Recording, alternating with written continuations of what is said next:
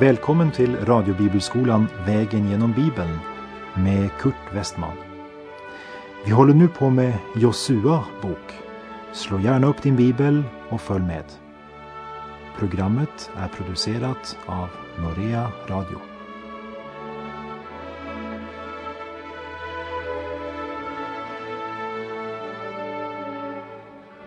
Ja, nu har vi kommit till kapitel 4 i Josua bok. Och vi kunde sätta stenarna tala som en överskrift över det kapitlet. För när allt folket hade gått över Jordan och prästerna som bar arken kommit i land på Jordans östra bredd, då strömmar Jordans vatten åter fritt igen, så att den gick över alla sina breddar.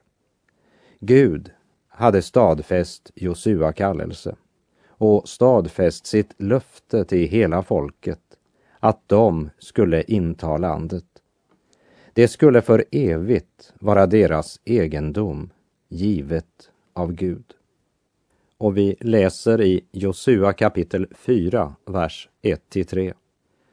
Då nu allt folket helt och hållet hade kommit över Jordan sade Herren till Josua.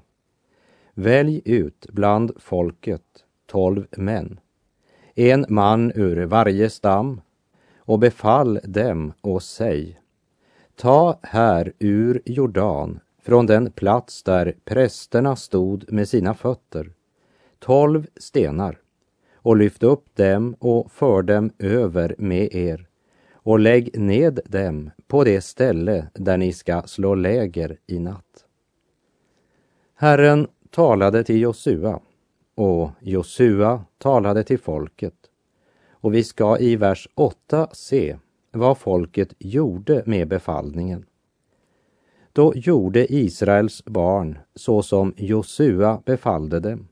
De tog upp tolv stenar ur Jordan som Herren hade tillsagt Josua efter antalet av Israels barns stammar och de förde dem över med sig till lägerstället och lade ned dem där. Dessa stenar ska vara en ständig påminnelse om Guds suveräna makt och hans gudomliga ledning av Israels barn. Och vi läser i vers 9. Dessutom reste Josua tolv stenar mitt i Jordan på samma plats där prästerna som bar förbundsarken hade stått med sina fötter. Och det finns kvar där ännu idag. Han har gjort så att hans under är i åminnelse. Nådig och barmhärtig är Herren, står det i Saltaren 111. Och det finns kvar ännu idag, det vill säga det fanns där fortfarande när Josua skrev ner dessa händelser. Tolv stenar blev resta mitt ute i Jordanfloden, där de präster hade stått som bar arken. När vattenståndet var lägre kunde man se stenarna som visade var Israels barn hade gått över. Stenarna som stod mitt ute i Jordan, i dödens vatten, vittnar om Kristi död för våra synder. Det andra tolv stenarna, de blev resta vid Gilgal, öster om Jeriko, där Israel då slog läger. Dessa stenar, resta på östra sidan av Jordan, vittnar om Kristi uppståndelse. Dessa verser i Josua bok har något mycket viktigt att säga oss. I Romarbrevet 6, vers 1-4 står det. Vad innebär nu detta? Ska vi stanna kvar i synden för att nåden ska bli större? Naturligtvis inte. Vi som har dött bort från synden, hur ska vi kunna leva vidare i den? Vet ni då inte att alla vi som har döpts in i Kristus också har blivit döpta in i hans död. Genom dopet har vi alltså dött och blivit begravda med honom för att också vi ska leva i ett nytt liv så som Kristus uppväcktes från de döda genom Faderns härlighet. Det är cirka 2000 år sedan Kristus dog. Och Paulus säger klart i Romarbrevets sjätte kapitel att vi har blivit förenade med Kristus i hans död. För det grekiska ordet baptizo och den betydelse det har här har egentligen ingen förbindelse med vatten. Det talar om förening, om att identifiera sig med. Vi är identifierade tillsammans med Kristus, förenade med, har blivit ett med Kristus i hans död. Det vill säga att hans död var din död och min död.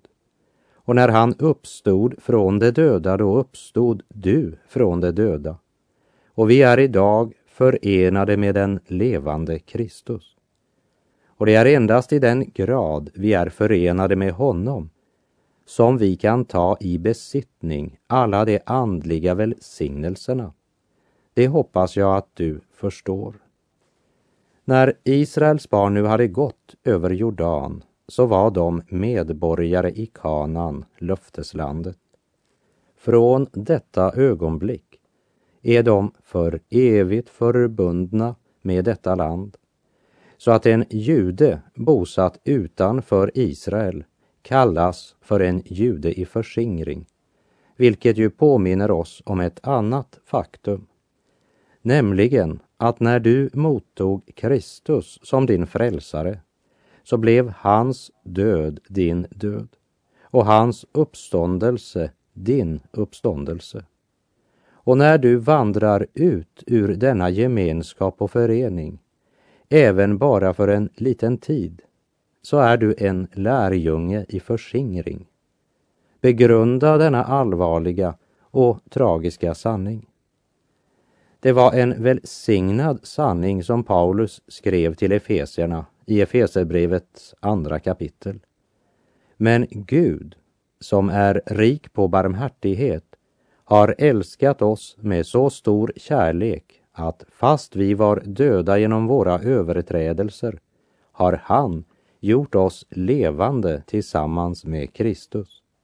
Av nåd är ni frälsta och uppväckt oss med honom och gett oss en plats i himlen genom Kristus Jesus. Därmed ville han för kommande tider visa den överväldigande rika nåden i sin godhet mot oss genom Kristus Jesus. När han dog, dog han för dina synder så att du skulle få liv och när han uppstod från de döda så var hans liv ditt liv. Nu är du förenad med den levande Gud. Och det är en av de största sanningarna i Guds ord. Och vi läser verserna 19 till 22. Det var på den tionde dagen i första månaden som folket steg upp ur Jordan och det slog läger i Gilgal på gränsen av östra Jerikoområdet och de tolv stenarna som de hade tagit ur Jordan reste Josua i Gilgal. Och han sade till Israels barn, när nu era barn i framtiden frågar sina fäder, vad betyder dessa stenar? Då ska ni kungöra det för era barn och säga, Israel gick på torr mark över denna Jordan. Det är lika aktuellt och lika viktigt idag att lära våra barn evangeliets sanningar. Det är vår viktigaste uppgift. Det största föräldrar kan få uppleva i livet är att få leda sina barn in till liv i Kristus. Vi läser vers 23 och 24. Genom att Herren er Gud lät vattnet i Jordan torka ut framför er tills ni hade gått över den, liksom Herren er Gud gjorde med Röda havet, som han lät torka ut framför oss, tills vi hade gått över det, för att alla folk på jorden må märka hur stark Herrens hand är, så att ni fruktar Herren er Gud alltid. Det Gud gjorde för Israels barn, det gjorde han för deras skull och för din och min skull. För att hela världen skulle veta att Herren sannerligen har all makt. Och det blev verkligen uppfyllt i Kanan när kananéerna fick höra att Israels barn hade gått över Jordan. Det som är viktigt att lägga märke till och komma ihåg här är att det var Guds ark som gick först och som banade väg genom Jordanflodens vatten. Guds ark, inte Mose stav. Det var också Guds stadfästelse av Josua som Israels ledare. Liksom uppståndelsen stadfäster Kristus Jesus som frälsaren. Uppståndelsen är Guds kvittering på att han har godkänt frälsningsverket. Det är fullbordat.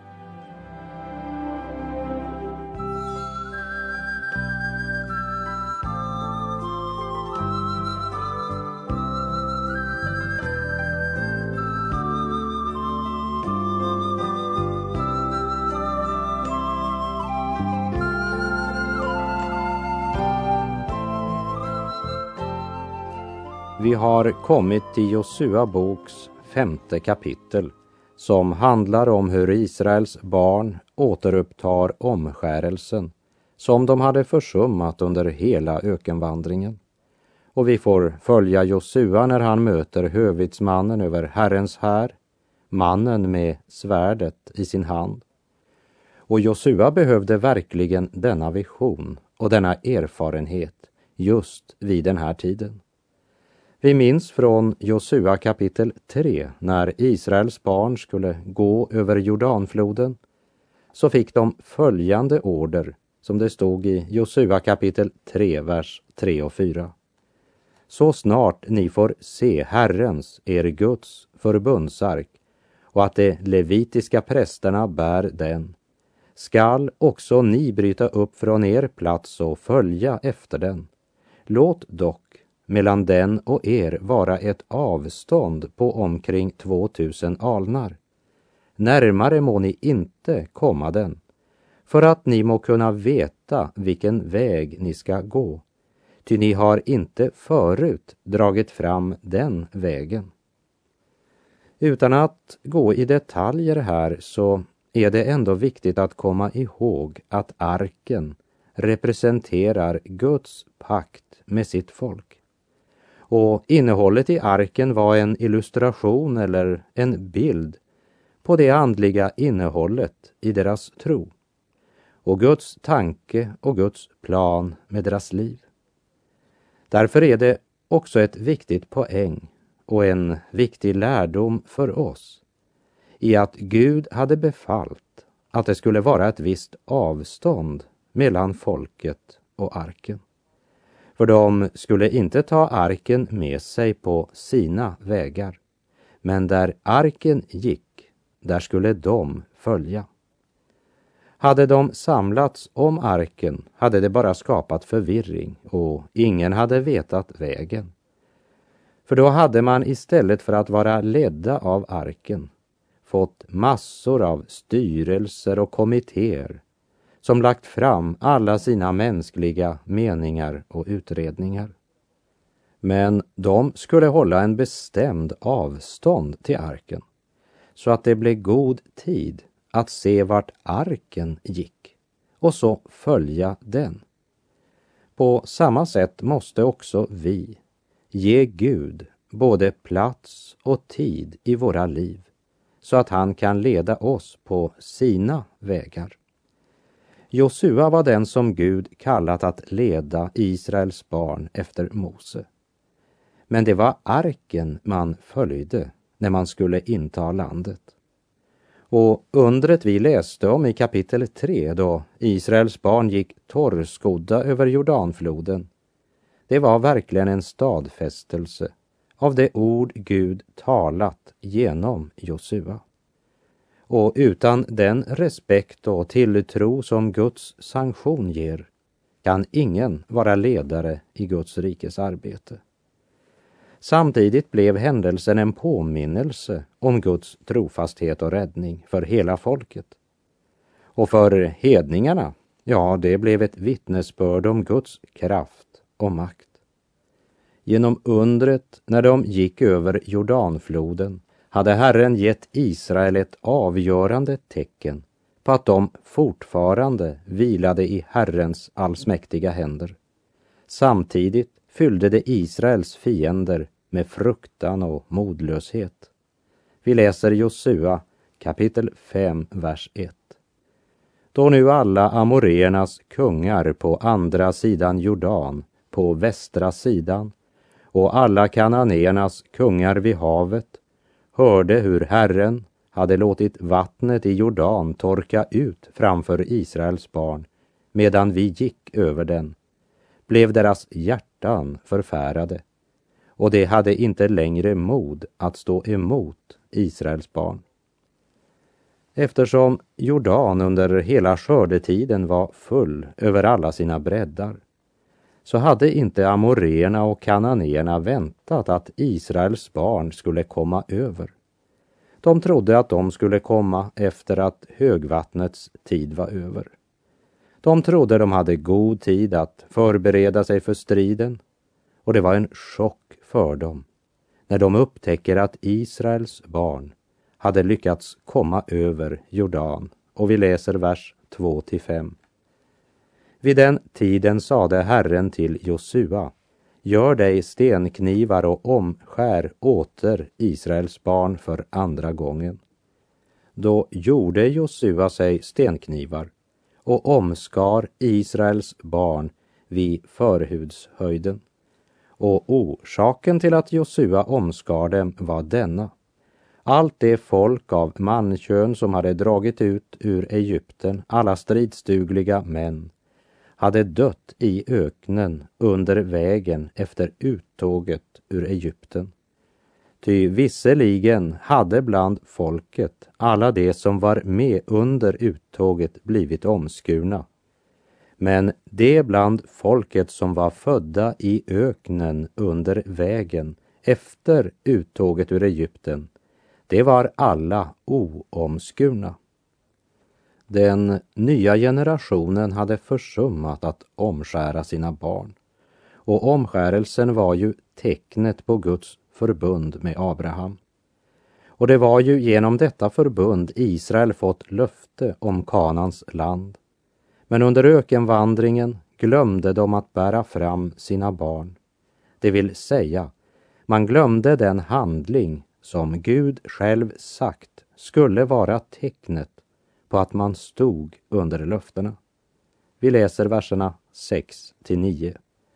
Ty Israels barn vandrade i öknen i 40 år, under vilken tid alla stridsdugliga män i folket som hade dragit ut ur Egypten förgicks, eftersom de inte hörde Herrens röst, varför också Herren svor att han inte skulle låta dem se det land som han med ed hade lovat deras fäder att ge oss, ett land som flyter av mjölk och honung. Men deras barn, som han hade låtit komma i deras ställe, dem omskar nu Josua. Ty de hade förhud eftersom de inte blivit omskurna under vägen. Och när allt folket hade blivit omskuret stannade de kvar där de var i lägret tills de hade blivit läkta. Och Herren sade till Josua, idag har jag vältrat från er Egyptens vanära. Och detta ställe fick namnet Gilgal, som det heter ännu idag. Israel hade försummat omskärelsen, tecknet Gud gett dem. De hade försummat det rent praktiskt, men även andligt. Därför omskär Josua nu folket vid den plats där stenarna tagna från Jordans mitt blivit resta till ett minnesmärke. Vid Gilgal blev minnesstenarna resta till en stod och vid Gilgal avvältrades Egyptens vanära från Israel. Israeliterna hade varit utsatta för Egyptens hån eftersom de menade att vandringen i öknen var beviset på att Josua inte kunde föra folket in i kanan. Istället hade han fört dem ut i öknen för att de skulle omkomma där. Och det är en vanära för Gud när Guds folk genom sin otro förblir i öknen istället för att gå in i Guds löften och välsignelser. Men omskärelsen vid Gilgal blir ett vittnesbörd om att Gud återupprättat pakten och en garanti för att Herren ska hålla sitt löfte. Och när pakten är förnyad kan Israel fira påsk. Högtiden som talar om Guds grundläggande frälsningsverk. Därför säger också Herren att ingen oomskuren skall äta av det, det vill säga av påskalammet. Och vi läser vers 10. Medan nu Israels barn var lägrade i Gilgal firade de påskhögtid den fjortonde dagen i månaden på aftonen på Jerikos hedmarker. Och vi läser från Josua kapitel 5 och vers 13. Och medan Josua var vid Jeriko hände sig att han, när han lyfte upp sina ögon, fick se en man stå där framför sig med ett draget svärd i sin hand. Då gick Josua fram till honom och frågade honom, tillhör du oss eller våra ovänner? Han svarade nej. Jag är hövitsmannen över Herrens här och jag har just nu kommit hit. När Josua har kommit över på Kanans mark ser han sig omkring för att eh, förbereda sin första uppgift i löfteslandet. För att gå över Jordan betydde inte att kampen nu var slut. Nej, det var nu striden verkligen började. Och så plötsligt upptäcker han en man med ett draget svärd. Han kan inte känna igen honom, så han frågar helt enkelt, på vilken sida står du? Är du på vår sida eller på deras? Och lägg märke till vad han svarar, vers 14.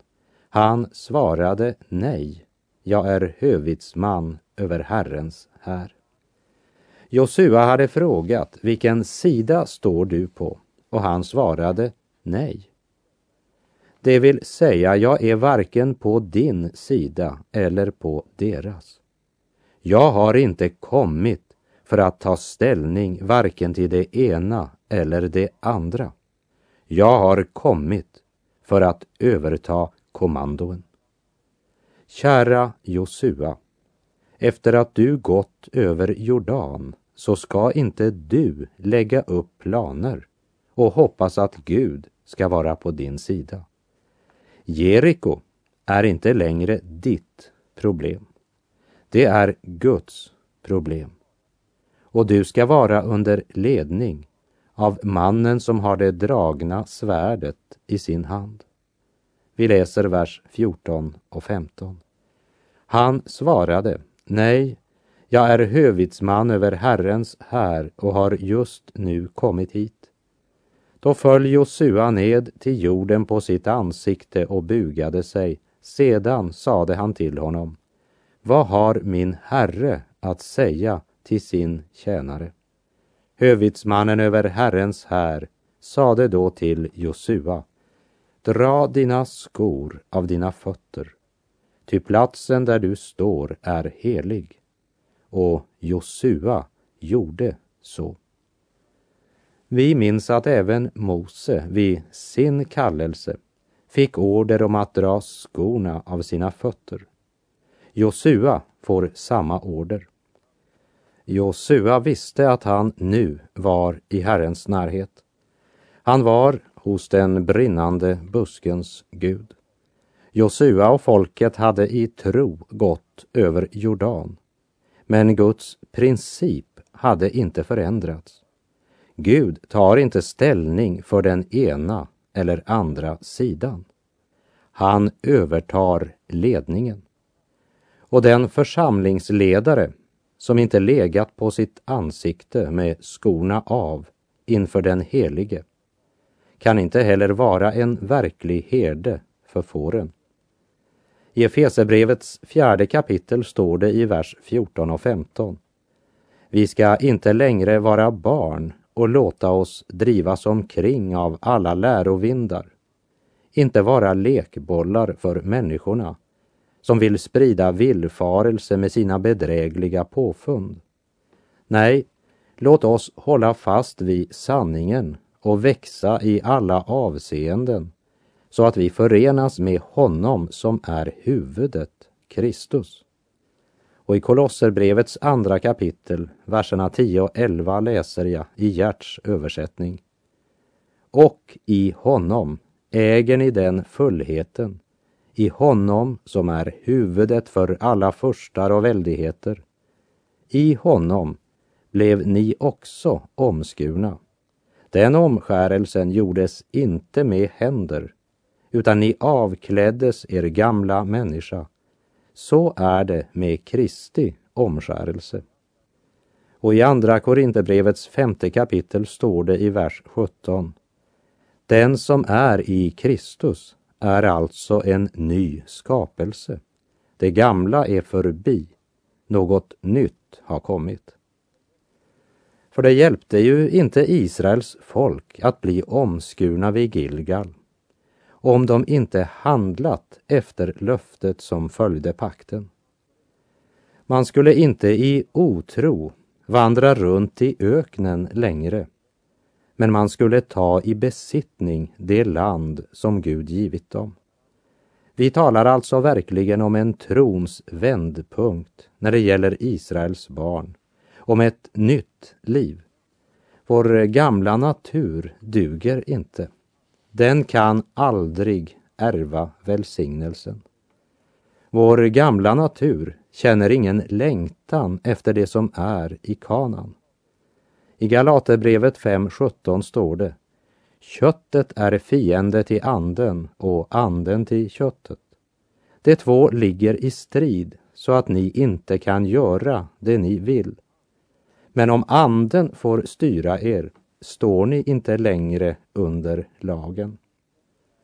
Omskärelsen vid Gilgal var inte bara en yttre handling, men man ställde sig på nytt in under Guds ord och löfte. Kära vän, ställ dig in under Guds ords inflytande så att Gud får skapa något nytt i ditt liv. Och då blir inte de yttre ceremonierna det viktigaste, men då blir det själva livet, Kristus, som blir huvudsaken. Stenarna som restes i Gilgal talar om Kristi uppståndelse, om det nya liv som är ditt i kraft av Kristus och som Gud vill att du ska ta i besittning. Herren vare med dig. Må hans välsignelse vila över dig. Gud är god.